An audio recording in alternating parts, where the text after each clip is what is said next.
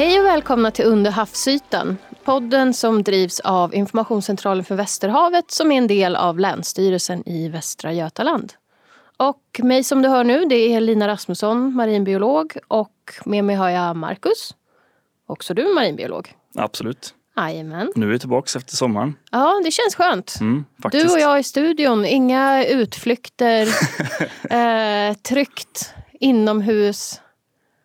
Med eh, ja, all utrustning som funkar och alltihopa. Mm. Ja. Mm. Men det har varit spännande ändå. ja, det har varit kul att vara ute de senaste avsnitten. Ja, det var Idefjorden sist och det var ju både beräknad spänning och lite extra spänning. Ja, det men precis. Lite halvkastväder när vi skulle åka hem sen. Eh, lite så. Det var kaskadvågor över relingen. Sådär. Eh, och eh, sen tänkte jag bara höra då Marcus. Vad ska vi prata om idag? Idag ska vi ju, ja, en hel omvändning ska jag inte säga, men det blir, vi byter lite ämne gör vi. Mm. Vi var ju inne i Idefjorden senast och pratade lite grann om eh, fjordlivet nära kusten. Nu ska vi ta oss lite längre ut utanför kustbandet egentligen och prata om utsjöbankar. Ja, precis. Det blir riktigt spännande tror jag. Ja, och vad, vad är en utsjöbank? Bara så att vi river av den lite fort. ja, precis. Eh, jag har ju dratt den här liknelsen eftersom, eftersom jag kommer från inlandet. Vi har mycket sjöar. Så att, men det är ungefär som en grynna i en sjö. Alltså en, en upphöjning av botten helt enkelt. Och det är väl lite grann så man ser en utsjöbank också. Sen är det ju i regel ganska mycket större än vad vi som är med insjöar då kanske tänker oss en grynna som en spets bara som sticker upp som man får passa sig för när man kommer med båten. Men, så det här är stora områden som sträcker sig upp i vattenkolumnen som blir liksom som en liten upphöjd oas mitt ute i det havet som är omliggande då, som är lite djupare. Och eh, den stora skillnaden där är ju att det blir så pass grunt på de här utsjöbankarna då att, att eh, ljuset tränger ner. Så vi får ja, men ofta då eh, växter som, som växer på botten helt enkelt. Vilket det ofta är för mörkt för i Mm. det kringliggande lite djupare havet. Då. Så det blir lite som en mosaik av biotoper Ja. mitt ute i havet. Så, Ja. så det är ju superviktigt för biologisk mångfald i Ja, havet. absolut. Det, och det blir ju ett ord som har nämnts ganska ofta i sammanhangen är ju refuger kallar man det. Alltså ett, en, en skyddstillhållsplats för arter som kanske har trängts undan från andra platser. Eller liksom har hittat sin nisch just på utsjöbankarna. Så det är absolut viktigt för den biologiska mångfalden. Mm. Och ofta är det ju på de här uh, utsjöbankarna så är det ju många skyddsvärda biotoper också som är med i Natura 2000 och andra. Det ska vi Precis. prata lite mer om senare i programmet. Mm. Själv då? Har du något personligt förhållande till utsjöbankar eller? Nej, jag har ju inte det riktigt. Det, jag har ju varit på lite olika platser i havet eh, under min karriär som marinbiolog, men inte just utsjöbankar. Utan det är någonting som jag kommer i kontakt med mer nu ja, men under mitt arbete på Länsstyrelsen med inte minst då den havsbaserade vindkraften. Och det är någonting som vi också ska prata lite grann om lite senare. Så att det är mycket nytt för mig också här, men det är väldigt spännande och, man inser ju hur viktigt det är. Viktiga områden.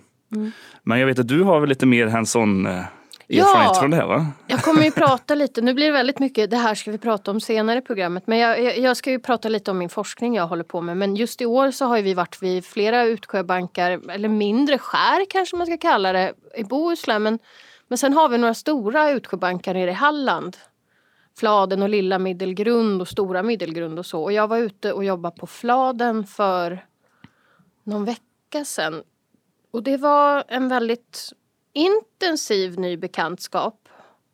För då var det ju då att jag och min gode kollega vi skulle åka ut och ta vattenprover i olika biotoper på den här utsjöbanken. Och det här var ju den veckan som den gode Hans, detta väderfenomen som slog in över Sverige för några veckor sedan. ingen missade. Ja, så det här var ju den veckan. Så en stor del av veckan satt vi ju inne och ehm, hoppades på att huset inte skulle blåsa ihop. Och sen kom vi ut en dag, men då var det någonting som jag har lärt mig nu under sommaren. Som kallas gammalsjö.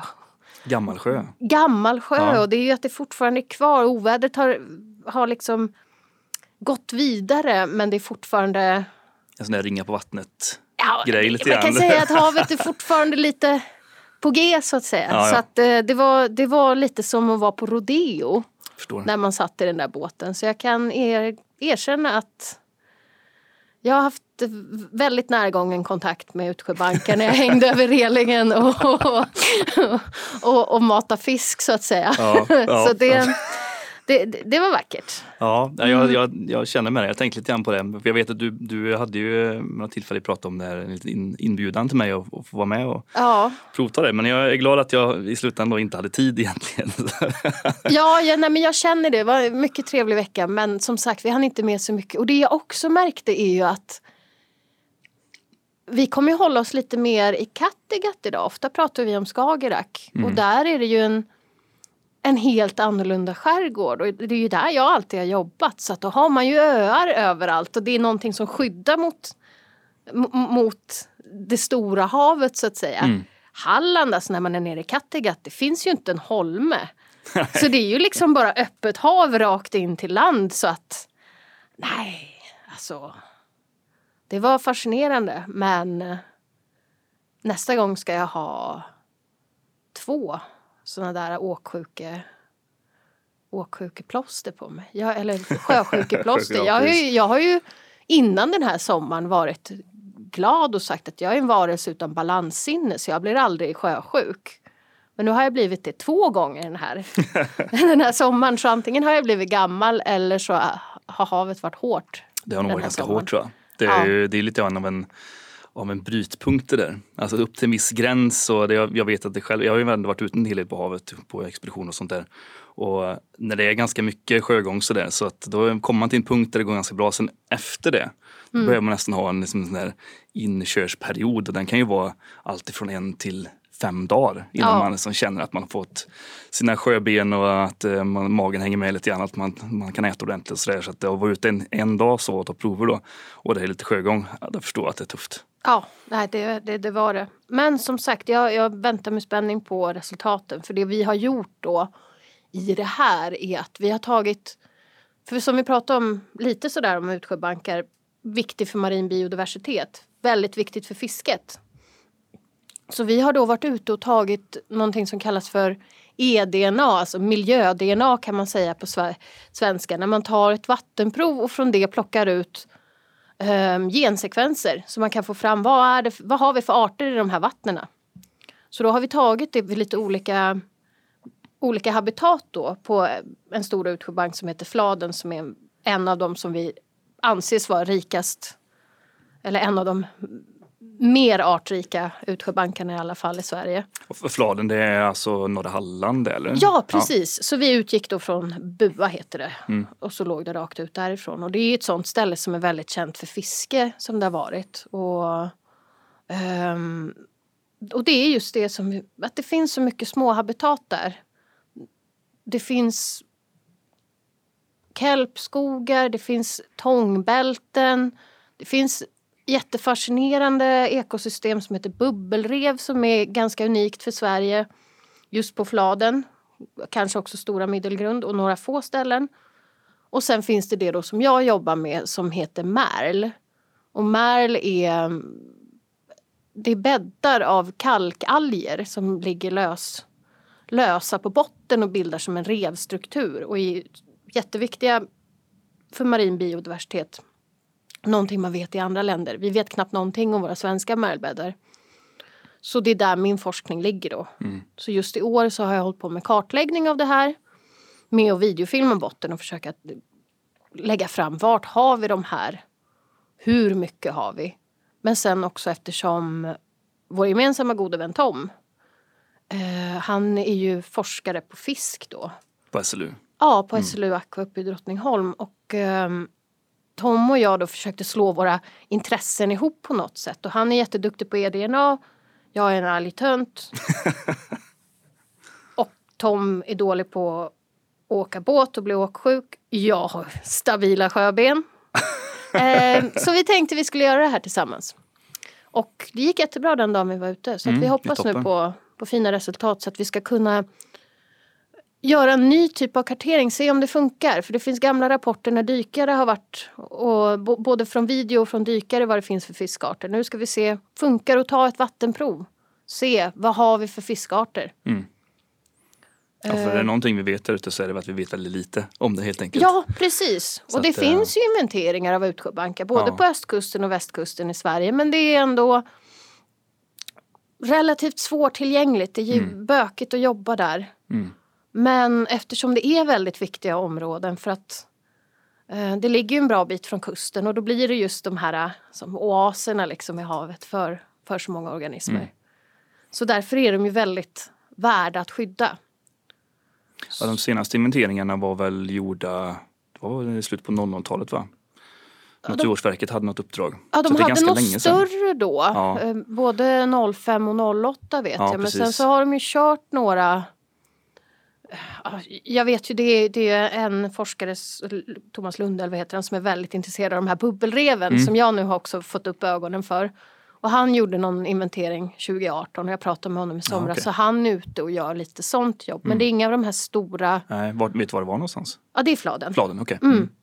Och bubbelrev då, bara för att nämna vad det är. Det är ju, det är ju att när organismer bryts ner på, på lite större djup i, i sedimenten så um, börjar det sippra metangas uppåt. Och sen när det möter sulfat och det sen mö- möter eh, syre så bildas det, det blir liksom lite högre pH, det bildar en basisk miljö och då kan kalciumkarbonat eller kalcium i, i eh, havskolumnen, alltså i Mm, i havsvattnet. vatten, vattenbryset. Ja, kalciumet där kan gå ihop med karbonat, bilda kalciumkarbonatstrukturer Mm. Som sen slipas ihop. Även om det blir som en platå så blir det sen att det blir som en formation av att ehm, ja, havet eroderar fram former av det här då. Mm. Så att det blir jättehäftiga som rev på botten som egentligen är bildade av att den här metangasen sipprar upp. Och man kan också se bubblor bubbla upp från havsbotten runt där. Man kan se svavelbakterier, det är en viss typ man kan se det på havsbotten ibland. Det behöver ju inte vara att det är såna här bubbelrev där men det är en indikator på att bubbelrev kan finnas. För det blir som en vit liten filt nästan på, på havsbotten och då är det en svavelbakterie som heter Begiatoa.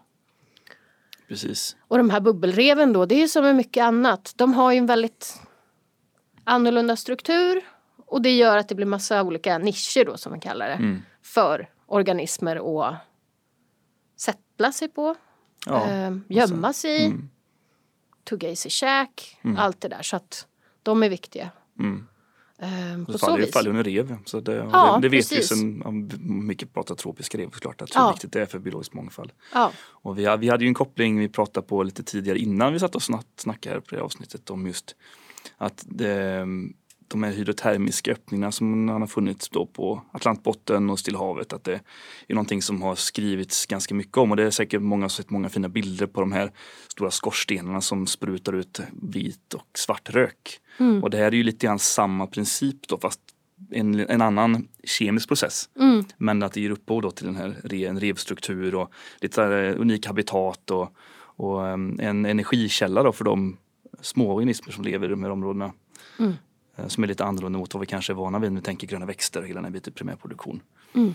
Så att det, att det här ändå finns ute i, i svenska vatten är ju väldigt häftigt. Ja. Och, och det är också givetvis någonting som är väl värt att bevara. Jag vet inte, har, har du någon uppskattning på hur lång tid det tar att bygga? Alltså hur lång tid tar det för det här sånt här rev att avlaga sig ungefär? Jag vet inte hur länge men, men eftersom de är De är ju inte gigantiska men ändå relativt stora i några De täcker ju några hektar i alla fall där nere. Mm.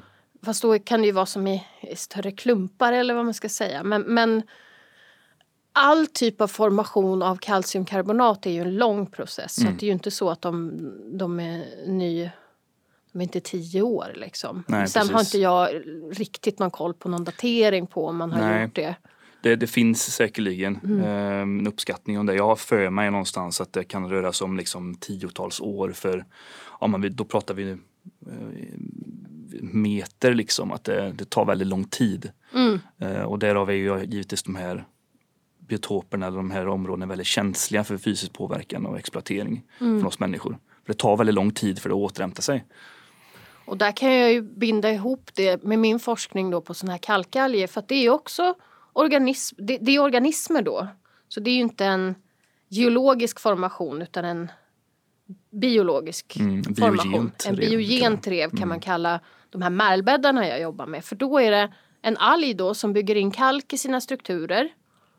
Men de här, många sådana alger lever ju som skorpor på, på, på klippväggar och sånt där. Så de kan vara som cerisa skorpor som man ofta ser när man är ute och snorklar.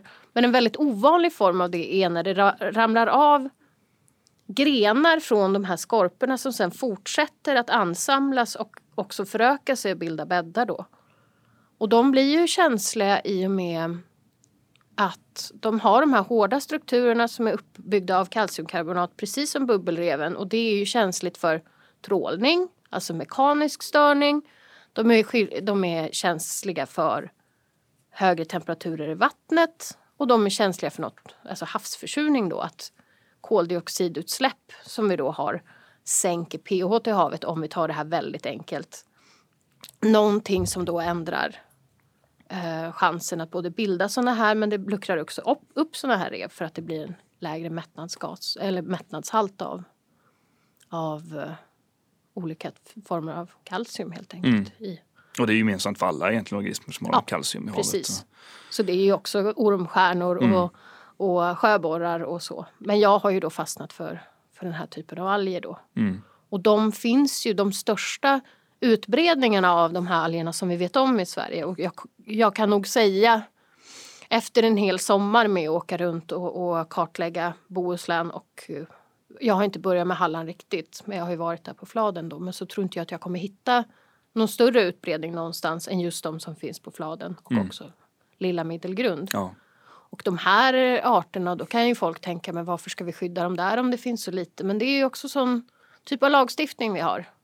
Vi är skyldiga att återställa och skydda den här typen av marina habitat för att de är, anses som skyddsvärda enligt EU. Mm. Så det är därför jag, det är en del av min forskning varför jag gör det. För att då säkerställa hur mycket vi har. Har vi något överhuvudtaget? Mm. Behöver vi lägga mer krut på det här sen? Jag har förstått att det är ganska ovanligt. Och det är mm. klart sett i relation till hur stor yta som faktiskt Utsjöbankarna utgör ett svenskt territorialhav så, så är Utsjöbankarna i sig bara en 3-4 procent.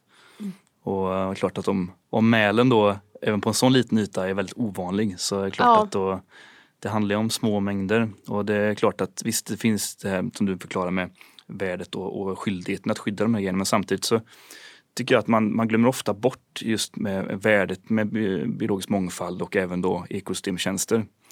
Det är ju ett ganska diffust begrepp för många tänker jag men det är ändå en, en typ av forskning och eh, en ekonomisk synvinkel på det här också. Att liksom kunna skatta hur mycket någonting är värt för oss mm. människor. Alltså en, en tjänst som naturen handhåller då. Mm. Eh, och det har vi blivit mycket bättre på och det är ju någonting att ha i åtanke att mycket av det här skänker oss ett mervärde fast inte just kanske som vi ser det, så att det sitter en, en, eh, en kalkalg här ute i havet. Och mycket av det här är ju okänt också. Och det kanske skulle vara så att, att det har en helt annan effekt om det då skulle vara vanligare än vad det är idag exempelvis. Som det kanske har varit för hundra år sedan eller hur det nu var. Mm. Det, och det, det kopplar också samman till, det blir en lång utsvängning för mig här nu, men till det vi kallar för ofta i naturvården och när marina inte minst med shifting baselines, att man har en utgångspunkt. Och den utgångspunkten som man liksom är van vid, den förskjuts hela tiden över tid. Så för hundra år sedan hade man en utgångspunkt och den utgångspunkten är inte säkert den är likadan idag. För att nu har vi det generationsskiften och vi har vant oss med helt olika förutsättningar och en förändlig miljö. Så att det här kan ju förskjutas både gott och ont. Oftast då i det här sammanhanget är det ont att vi, vi, är, van, vi är vana vid att det inte finns mycket av exempelvis den här kalkalin. Men medan för hundra år sedan kanske det fanns betydligt mycket mer. Och det var ju det som var utgångspunkten. Ja. Nej, och det är det som jag har jobbat lite med. För jag har gått igenom historiska eh, observationer från 1800-talet fram till nu allt jag har kunnat komma över, både grävt runt i herbarium och gamla böcker och allt möjligt. Och jag har ju hittat ställen där, där jag inte har återfunnit Merlen nu när jag har varit ute och letat. Och det kan ju också mm. vara att det är otroligt lokalt. Och då kanske det inte har samma betydelse ur en ekosystemfunktions eh, synvinkel. Men, eh, men då vet jag i alla fall kan jag, jag kommer aldrig sova gott om natten. men, men, lite bättre kanske. men, ehm, men det var väldigt, jag, jag, måste bara gå tillbaka till det den här dagen då när vi var i Fladen. Att jag, jag kör ju runt med en ROV som det heter, Remote Operated Vehicle. Det är som en liten videorobot som jag kör med. Det vill säga undervattensdrönare. Ja men precis, så jag står, jag står på däck med en, med en joystick i Ja. stort sett och kollar på min telefon så kan jag koppla upp det på en större skärm, kör runt här och kolla. Vi har ju kört runt, jag vet inte hur mycket i Bohuslän. Mm. Och så skickar jag ner den här och allting runt omkring är bara rosa. Så, Häftigt. och de här grenarna är överallt när jag kom till fladen och det bara Ja. kändes så här, de finns. Äntligen. Äntligen, vi har hittat på ett ställe i Bohuslän. Mm. Men nu var det så att på en gång, jag behövde inte ens köra någonstans, de bara var där och det var, det var en skön känsla. Och ah, alltså jag har ju, jag, jag dyngade in på de här liksom, jag gjorde mitt masterarbete på de här, det vill man ju knappt säga hur länge sedan det var, men jag har ju på i snart 20 år med de här rackarna. Mm. Fast det, även om jag inte har jobbat aktivt med, med kalkalger så är det ju de som är min stora fascination. De, tar, de är ja, väldigt viktiga för balansen i havet i det stora hela. Mm. Så ja, jag ska ju tuta på med mina försök i några år till. Så jag kommer ju gå då från att kartlägga de här ekosystemen så då kommer jag ju hålla mig nere. Eftersom utsjöbankar har verkat vara ställena de finns och gärna lite strömt så kommer jag ju hålla mig till många andra mindre utsjöbankar än Fladen och Lilla Middelgrund och Stora Middelgrund då. Så att jag kommer ju fortsätta att jobba mycket på de här bankarna och det, det ser jag fram emot väldigt mycket för att man ser så mycket annat spännande. Det här- förstår jag. Ja, nej men jag, jag, jag har ju sett en rocka till exempel i somras med, med min lilla kamera. Och, och, nej, det är superballt. Ja, men det förstår jag. Absolut. Nu har jag faktiskt jag fått provkört din lilla ROV också. Så jag vet ju hur Hur lätt cool det den var. är. Hur cool den är tänkte jag säga. Vi ska inte gå in på hur dåligt det gick. Men Nej, men, eh, men eh, ja, vi är vänner ändå. det är det. Ja. Ingenting gick sönder i alla fall. Nej, ingenting gick sönder. Så det, det, det är helt OK. Eh, jag vet inte, vi kanske ska släppa mina kalkalger. Jag har bara en snabb fråga. Ja. Sista. Det, som molekylärbiologi-nörd, får jag använda det ordet också nu då? Som Ja. du brukar slänga dig med det också. Så måste jag ju fråga det här med eDNA. Japp. När får ni provsvaren och vad, vad är det ni tittar efter specifikt? Vi kommer ju få det, jag vet inte hur lång tid det tar men jag tror, jag, jag har lämnat in proverna på analys för det lämnar vi bort till ett annat företag. Mm. Så då kommer vi få ut artlistor på vilka benfiskar men också broskfiskar som jag pratade om förut, alltså hajar och rockor.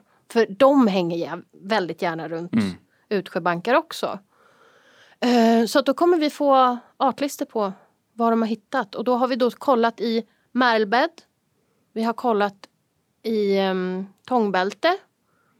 Och sen har vi kollat på um, vegetationslösa bottnar som är på, på själva fladen då, alltså Mm. på utsjöbanken så att bara där det har varit ren sand. Mm. Och sen har vi också tagit ett område en bra bit ifrån fladen där det har varit lite djupare botten på en 40-50 meter på, på lerbotten då. Och se vart finns det mest fisk? Det kan ju vara svårt och vi, kommer ju diskutera metodik vid andra tillfällen i det här ja, äh. Det en... poddserien. Men, det kan ju vara lite svårt att veta var kommer det här ifrån si Ja. och så. Men man får ta på flera ställen i de här bäddarna eh, för att försöka få utesluta andra källor. Och sen är det ju att det ligger ju inte där för alltid så det är ju inte så att en fisk simmade förbi där för tre månader sedan. Nej, det bryts ner ganska fort gör det. Ja, Så det är klart, alltså, som du säger, vi kan göra en djupdykning i bara metodiken bakom medien och fortfarande inte riktigt bli kloka på det. Men Mm. nej. det är en metod Men det som verkar en, det fungera är en ganska bra. Mm. lovande metodik som många använder nu i, ja, i just miljöövervakning. Mm. För att ja, jämför man med vad det kostar att vara ute flera dagar och ha massa dykare på plats och, och så, så är det ju ett mycket lättare sätt om det då funkar att eh, Ja. Ja, det är väldigt kostnadseffektivt. Det är egentligen bara ett vattenprov. Det är det, Ja, det är vattenprov. Sen Mm. är analyserna ganska dyra men det, det, det var det var hyfsat lätt. Man kan ju också beställa så att andra gör allting åt det. De, Mm. Man kan be, beställa att de är ute och provtar. Att det finns företag som gör hela alltet. Ja. Vi valde ju då att vara ute själva. Vi satt också på en bänk i bua och filtrerade vatten till 9-10 på en fredagkväll. Mm. Ehm, men Ja. Men jag, jag är ju av den skolan att jag, jag tycker om att göra så mycket jag bara kan själv för att lära mig Absolut. allt bakom. Också är det väl lite min bakgrund i att jag har jobbat i i uh, lite fattigare länder mycket. Där man, man får ta det man hittar. Det finns mm. inte samma fancy grejer som vi har här i Sverige. Så att man får bli MacGyver helt enkelt och bygga en forskningsstation och några sugrör. Men, så ja. det är klart, det är väl lite tjusning i forskning också, den där, att man blir så mångfacetterad, den, ja. alla de här forskningshattarna. Och det är klart att det, ska man göra en sammanfattning av sin forskning eller skriva ett manuskript eller egentligen vad som helst, det är klart att det är en stor fördel att ha gjort metodiken, vara insatt i den fungerar. Mm. För att förstå men, vad egentligen ens data säger för någonting. Nu kommer vi in på lite helt andra grejer, lite ja, forskningsfilosofi här. Men det... Och tillbaka till Utsjöbankarna. Ja. ja. uh, ja. Och då när vi ändå snicksnackar lite om det här med fisket på utsjöbankar och det här. En av de stora anledningarna, för det första så är det att jag vill ju se vad de här märlbäddarna har för ekosystemtjänster. Alltså vad erbjuder de för den marina biodiversiteten? Men sen i det stora hela så fick jag en grej på köpet skulle man kunna säga. För det tar ju så lång tid med sådana här forskningsanslag. Eh, så det här visste ju inte jag om då. Men förra sommaren eller förra hösten 2022 då satte de in ny fiskereglering på de här utsjöbankarna. Eller flera av dem, inte alla men ett gäng av dem. Speciellt de som är marint eh, marina reservat eller skyddade områden mm. där nere. Så att till exempel då Fladen och Lilla Middelgrund som jag pratar mycket om. När du säger dem, då är det, alltså är det Då är det från Havs och vattenmyndighetens ja. sida. Men, um, uh, och det det här innebär då är att vissa områden har, har nu blivit någonting som kallas för no take areas. Och det innebär att inget fiske får förekomma. Inte inte att du står själv och, och liksom pimplar från din båt, ingenting. Så vissa områden får du inte fiska alls. Sen finns det vissa där, du, där de har begränsat fiske. Och då kan det till exempel vara att det är tillåtet med burfiske för vissa skaldjur. Det kan vara att det är okej att fiska just med handredskap då. Och sen så finns det också någon typ av flyttrål som kan vara okej. Um, så då är det en trål då som inte drar längs botten. För det är ju det som ofta är väldigt, väldigt destruktivt för både mjukbottens och, och hårdbottensamhällen. Att de slits upp helt enkelt. Men då är det då pelagiskt flytgarn eller flyttrål. Mm, alltså i vattenmassan? Så den är i vattenmassan mm. bara. Så det, det kan vara tillåtet. Mm. Plus tror jag att de har någon sån här forskningsuppdrag när de vill titta eller de har något bifångstprojekt sådär så att man kan fiska med garn då. Men, men då ska det vara att det är godkänt och man ska söka tillstånd från från HaV då, Havs och fisk, nej Havs och vattenmyndigheten. Mm. Eh, och sen så har de också infört något som heter AIS-zon. Och då är det helt, eller helt enkelt, men då är det att fiskebåtar har en ja, AIS, en automatisk signal på båten som man då måste sätta på och då är det för att det ska kunna följas. Och det är vissa zoner som är, är de då. Uh, och allt det här är ju just för att man vet att det här är områden som är viktiga för fiske. Vi vill bevara våra fiskebestånd. Det här kan också då fungera som en ja, som, som områden där fisken har en chans att reproducera sig och kanske att vi då får ett, ja, en återhämtning i våra fiskpopulationer. Ja, ja det blir det som blir slutmålet, det man hoppas på. Så, så, min förhoppning är ju att jag kan fortsätta med det här för mm. att om jag får då resultat från nu, vad vi har för fiskar på fladen, så kan, hoppas jag nu att jag får uppföljningspengar då så att jag skulle kunna följa upp och se hur ser det ut nästa år och året efter det. Blir det någon skillnad i vilka fiskar vi har? Um, I och med att det nu är fredat från fiske. Mm. Så det är en förhoppning jag har att jag skulle kunna få fortsätta med det. Mm. Vi kan ju hoppas. Mm. Både för, för din skull och för Ja, helst för naturens skull. skull. Ja. men, men det är alltid kul att ha ett jobb som man brinner ja, för. Absolut. Så. Och sen är det klart, den typen av uppföljning är ju ofta väldigt viktig. Att kunna se de här årsvariationerna. Vi är ju ganska duktiga på det i Sverige och har långa bra tidsserier på mycket mätdata och mätparametrar ute i havet. Men man kan ju alltid ha fler. Exakt. eh, ja, och sen lite är ju ehm, just de utsjöbankarna jag eller vi har nu dragit mest uh, ja, information om är ju just de här som vi har i Halland. Mm. Men sen så har vi ju mycket utsjöbankar i Bohuslän också. Vad, vad är skillnaden, Halland, Bohuslän, på de här utsjöbankarna? Ja, framförallt är det vart de ligger någonstans. Mm. Det, och det är ju någonting som, som kopplar i förvaltningen och inte minst den havsbaserade vindkraften när vi pratar om det. Eh, men om man ser rent geografiskt då så har vi ja, i Naturvårdsverkets rapport så var det 12 stycken utsjöbankar i Västerhavet, alltså Bohuslän och Halland. Um, och då i Halland så ligger de ju lite längre ut, alltså ut mot uh, utanför territorialhavet som vi kallar det, alltså Sveriges, Sveriges rikes gräns då ut mot havet. Um, och det kallar vi då ekonomisk zon. Och i Bohuslän å andra sidan, där ligger de här utsjöbankarna lite längre in, alltså lite närmare land egentligen. Så de ligger då inne i territorialhavet så det är inte alls samma avstånd. Och jag tänker det kanske du också då, som du beskrev förut, märkte att det liksom är mer exponerat nere i Halland jämfört med Bohuslän, mm. Eh, på var de här utsjöbankarna ligger någonstans. Eh, så det, det gör ju dels att det blir en lite annan typ av påverkan såklart. Att kommer det längre ut så krävs det ju mer för att vi människor ska kunna påverka eh, de här utsjöbankarna jämfört med då exempelvis Bohuslän där det ligger närmare i den inre delen av kusten. Då. Men å andra sidan så har vi den havsbaserade vindkraften som gärna vill hålla till ute i den ekonomiska zonen. Och där har vi ju fått en konflikt nu då, i Halland exempelvis. Det, det, har ju skrivits en hel del om det i media.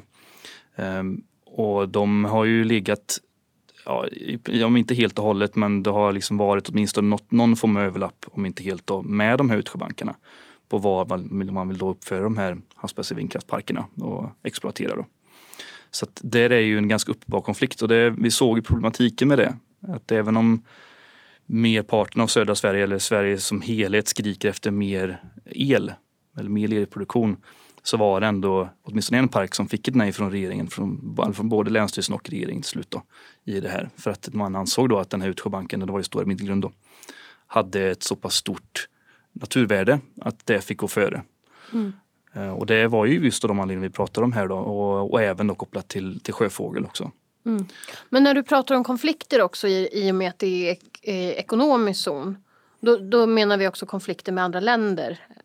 Eller? Inte, inte när det är en havsbaserad Inte, inte det. Men, men det, när det gäller fiske så kan det vara att det är en annan typ av reglering. Ja, det blir det. Ja, jag är inte Som, helt... Eh, nej, vi, vi, kommer, vi kommer prata hon, lite grann om det. Vi har ju, har ju planerat in ett avsnitt i alla fall den här säsongen att vi ska prata lite grann om förvaltning. Ja. Eh, så, så då, men för att göra en liten light, kort light-version så har vi ju territorialhavet och har vi vattendirektivet då. Mm. Som den europeiska och det är införlivat i, i miljöbalken.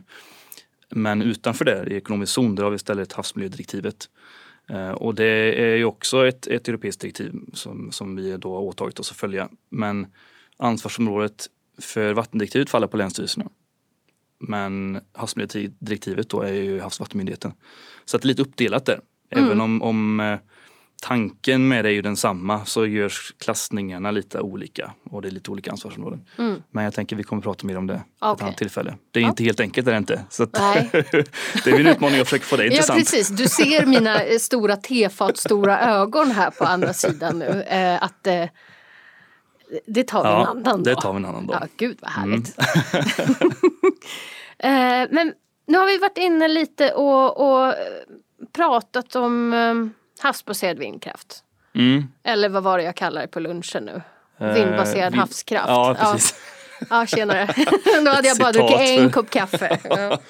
Eh, men det här är ju en väldigt viktig fråga idag.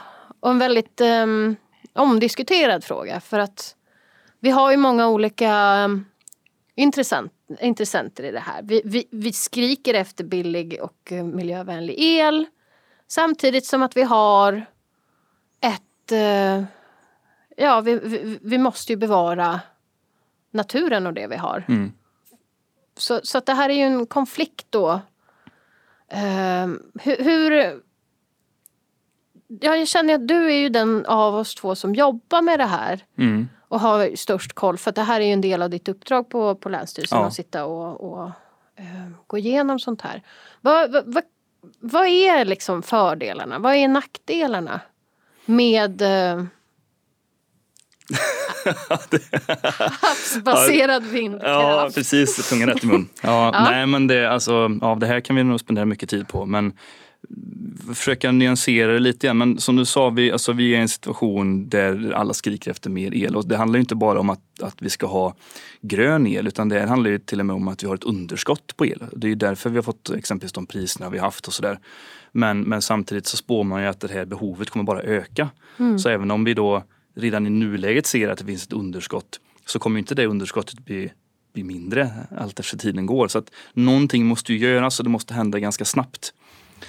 Så det här sätter ju ganska höga krav på både eh, hur vi handlägger det här men även hur det utreds och det ska sättas i praktiken. Vi ska förstå hur det ser ut. Och det är som du sa så många olika intressenter och, och naturvärden kontra då samhällsnytta och så vidare. Och så vidare. Så det är egentligen väldigt stora beslut som ska tas på väldigt kort tid. Och, och vi pratar liksom på att det här, den här typen av energislag är fördelaktigt på det sättet att den är relativt snabb att, att då montera upp. Vi pratar på eh, inom, ja, men inom tio år i alla fall från dess att då man har skickat in en tillståndsansökan. Och att det då ska vara genomförbart. Eh, och nu kanske man tänker att men, tio år det låter ju ändå ganska lång tid. Och ja, det kanske det är. Men om man ser, ser man till branschen och till alla de energislagen som finns så, så är inte det så lång tid ändå. Eh, ska vi jämföra med andra energislag så tar det betydligt mer tid att montera upp och, och då få fram en produktion som både är då hållbar och, och även då självförsörjande. Det är ju det också. Mm. Så eh, det är en stor utmaning och det finns stora intressen och, och få upp det här inte bara i Västerhavet utan hela, längs hela Sveriges kust egentligen. Ja, det är ju mycket på gång i Östersjön också. Ja, så att, men om man gör man en sammanställning på alla de ansökningar som då ligger i pipen så, så blir det nästan ett pärlband utav havsbaserad vindkraft. Mm. Och det, det är ju någonting som, som måste bedömas. Eh, både varje enskilt för sig men även då kumulativt, alltså tillsammans. Ja.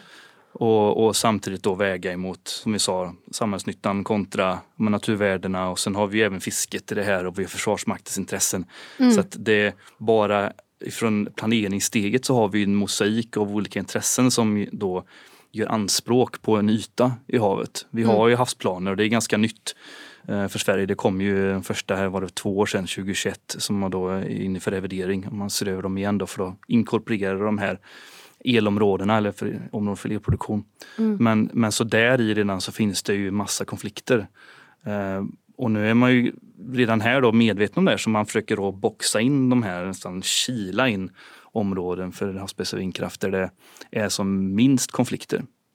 Och som de flesta känner till som kanske då har, har läst på lite grann om, om Försvarsmakten exempelvis så har Försvarsmakten mer eller mindre veto i de här sakerna. Då. Så att säger Försvarsmakten nej så är det nej.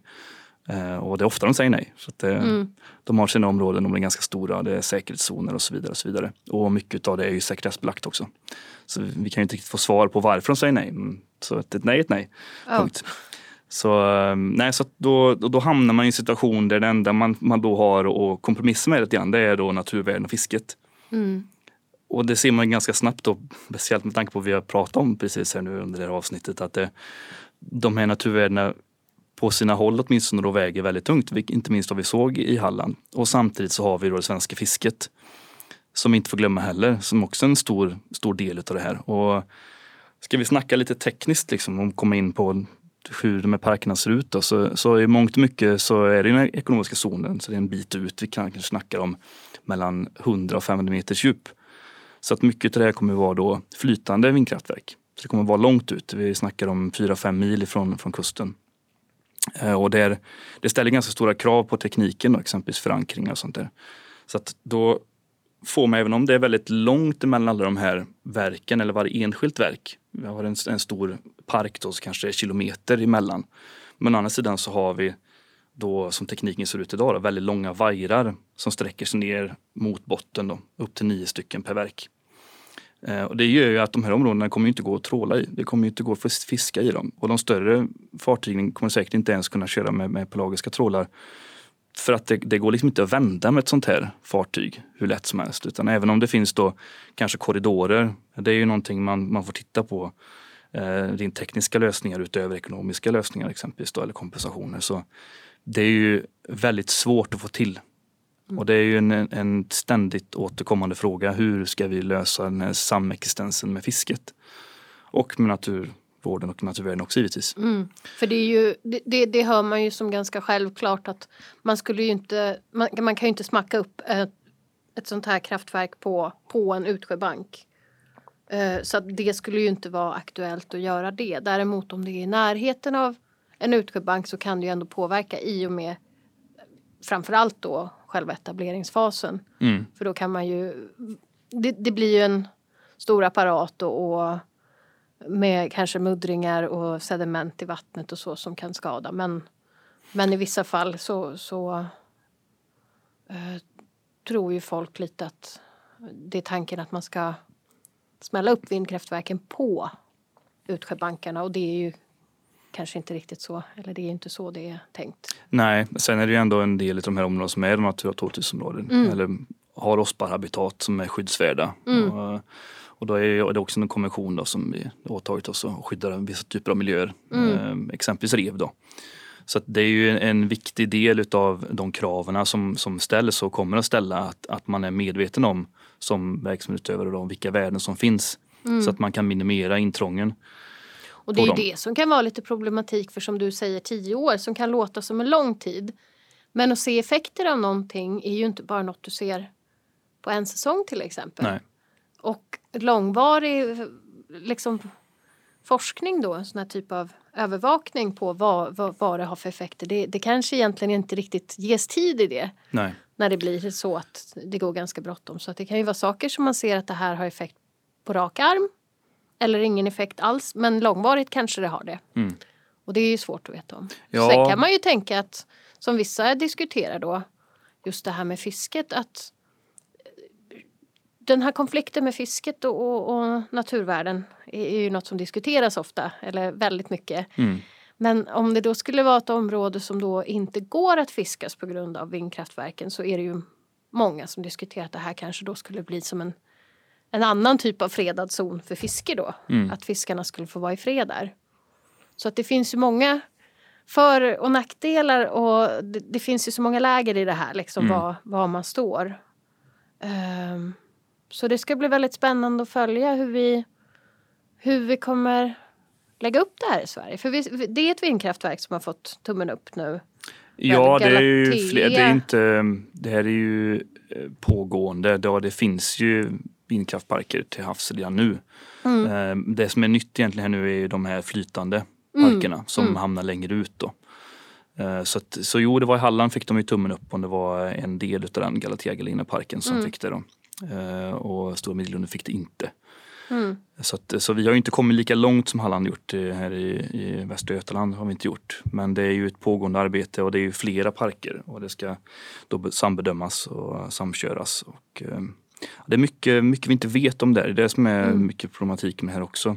Och, och för att koppla an lite grann till det du sa med forskning, den här biten. Och det, alltså utvecklingen rent tekniskt sker så fruktansvärt fort. Det går i en rasande takt. Och eh, bara liksom storleken på de här verken har ju nästan exponentiellt ökat de senaste 20 åren. Så att många har ju den här, en lite missvisande bild av att det kommer att vara tusentals verk som kommer smäckas upp om de får tillstånd då, ute i utsjön. Eh, och, och att det här liksom kommer att innebära en marginell då, tillförsel av el till den totala produktionen i Sverige. Men, men så är det ju inte längre. Det, och det gör ju samtidigt då att de här testparkerna där det har skett mycket forskning de senaste 15 åren, de hänger inte riktigt med längre. Det är inte riktigt, vi ser inte att det är representativt för hur de här parkerna som då planeras att smäckas upp här nu då, att det kan, man kan göra ett likhetstecken mellan dem. För vi pratar om testparker och flytande verk i bland annat Skottland eller Norge. Eh, de har ju legat framkant där länge. Och de är kanske drygt 200-250 meter i höjd, i totalhöjden på de här verken. Men nu pratar vi ju om, om eh, planerade verk på västkusten som är upp till 380 meter, alltså som ett Eiffeltorn. Och det ställer ju helt andra krav på både då anläggningsfasen men även att betingelserna blir annorlunda för själva driftsfasen också. Att när de väl står där ute, vad har de för påverkan? Så att dra då paralleller mellan ett verk som är hälften så stort, det, det, det, det köper vi inte riktigt. Så det är väldigt mycket frågetecken. Det är väldigt mycket vi inte vet, både om tekniken då men även om, om eh, miljön ute på utsjöbankarna. Vi vet ju väldigt lite om det och det, det kan man ju se i forskningen också. Och de inventeringar som har gjorts. Och sen samtidigt så har vi då den här stående frågan kring eh, buller och sånt där undervattensbuller. Jag ska dra det lite kort för det är också en, en hel vetenskap. Mm. Liksom hur ljud rör sig. Eh, I vatten är det lite annorlunda jämfört med luft för det rör sig mycket längre under ytan. Så att det bullrande havet, liksom, det finns ingenstans i Västerhavet där det, är, där det inte finns bakgrundsbuller från någonstans ifrån. Eh, jag menar, miljön i sig, naturen i sig är ju också upphov till, till visst buller. Och, men det här ger, ger ju extra då en, en, annan ljudbild som vi inte vet hur det kommer att påverka framförallt djur då, framförallt djur som, som eh, lever på, ja men deras, deras liv lite grann eh, hänger på hur väl de kan höra under vattnet. Mm, och då har vi exempelvis tumlare, och, precis, ja. och bland fiskarna är framförallt sill som hör väldigt bra. Eh, och det finns väldigt lite information om det. Vi vet extremt lite om det. Och det, det går heller inte riktigt att ta plocka ut ur sitt sammanhang från en annan del av världen och säga att men, tumlarna påverkas så här. Ja, det kanske de gör på ett fysiologiskt plan, alltså hur deras öron eller hörselapparater påverkas. Men hur, hur kommer ianspråkstagandet av den här ytan ute till havs påverka deras rörelsemönster, deras födosök, deras kalvning, hela den här biten? Det, det vet vi inte riktigt. Uh, och det, är ju, det ställer ganska höga krav på den typen av studier för att ta reda på det här också. Och då helt plötsligt hamnar vi i en, en riktig rävsax med tiden det här kommer ta. Vi skriker efter el nu. Mm. Och, så, och så måste vi kanske ha en flerårig studie för att faktiskt förstå hur det ser ut ute i Västerhavet. Och det, det är det många som tycker att vi inte har tid med. Så att det, det är mycket, mycket problematiskt att bedöma de här bitarna och, um, på ett, ett vettigt sätt. Men, men vi gör så gott vi kan såklart. Men det är, det är, det är många, många personer på läsningen som jobbar med det så jag sitter absolut inte på något sätt själv. Eh, vi är ett ganska stort team med olika expertkompetenser. Eh, från, ja det är väl tre avdelningar i alla fall. Eh, fyra till och med tror jag det är. Mm. Så ett, ett, batteri av folk som sitter och, och jobbar med det här då. Men det, det kommer att komma, eh, hur vi än vrider vänder på det förr eller senare. Och, och, för att lite grann avrunda här då med, med de här verken. Storleken på dem är givetvis kopplat till, även till hur mycket produktion det ger upphov till. Så att vi pratar inte om tusentals verk längre för att eh, få någon, någon, påverkan eh, på vår elproduktion eller någon höjning av elproduktionen. Utan att en sån här park kanske uppgår då till en, mellan 100 och 150 verk. Eh, och det motsvarar produktionen för en, en kärnkraftsreaktor. Så det är, liksom, det är betydande mängder Mm. Vi, vi, pratade nu, nu då, som det var förra året så hade vi en total produktion eller en åtgång av el i Sverige på om det var ungefär 143 eh, terawattimmar och sånt där.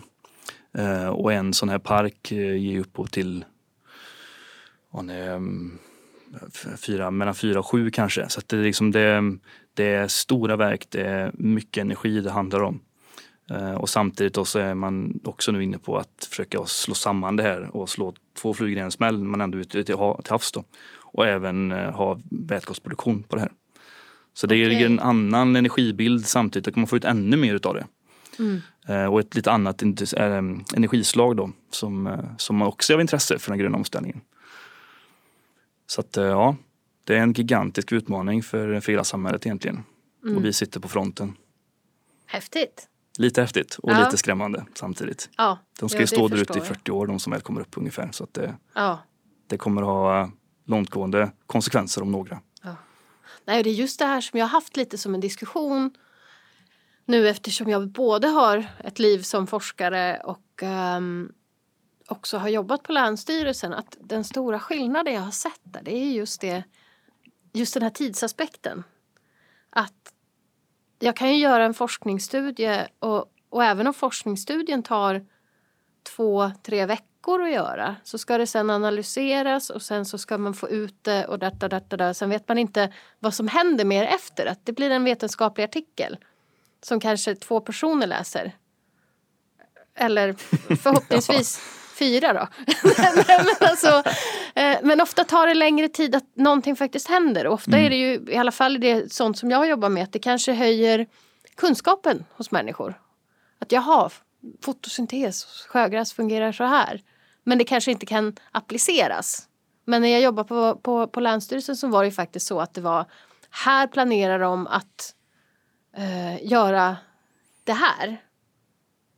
Och så kommer man med sina in liksom med sina kommentarer på det eller sin analys då om att det är en bra eller dålig idé.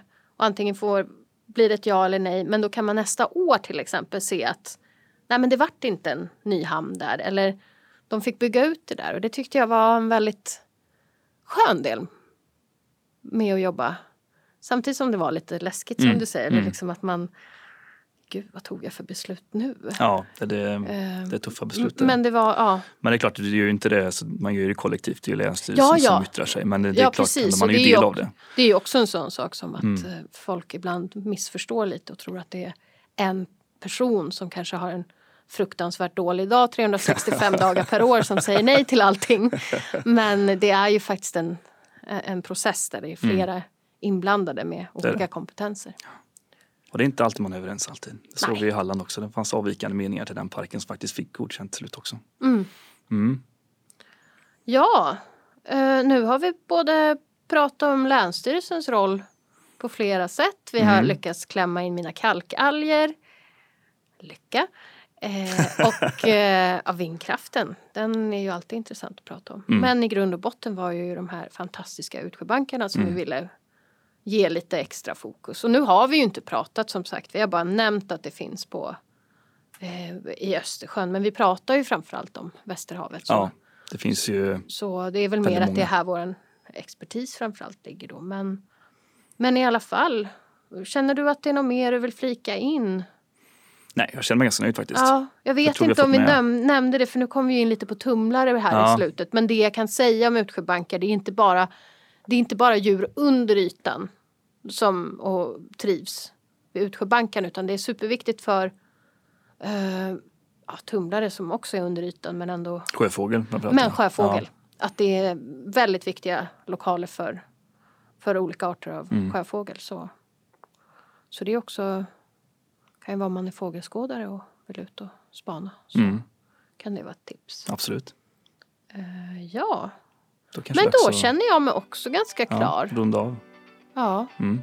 och vi ska inte riktigt avslöja vad vi ska göra i nästa program. Så Nej, det, det, får det, Bli, det får vi vänta med. Det Ja. får bli en hemlighet. det, det får bli en hemlis så länge tills vi har lagt alla Pusselbitar. pusselbitar. Mm. Men vi återkommer ju snarast. Så um, vi hoppas att ni hänger med då och att Mm. ni har tyckt att det har varit ett intressant avsnitt må så gott så länge. Tack och hej. Hej hej.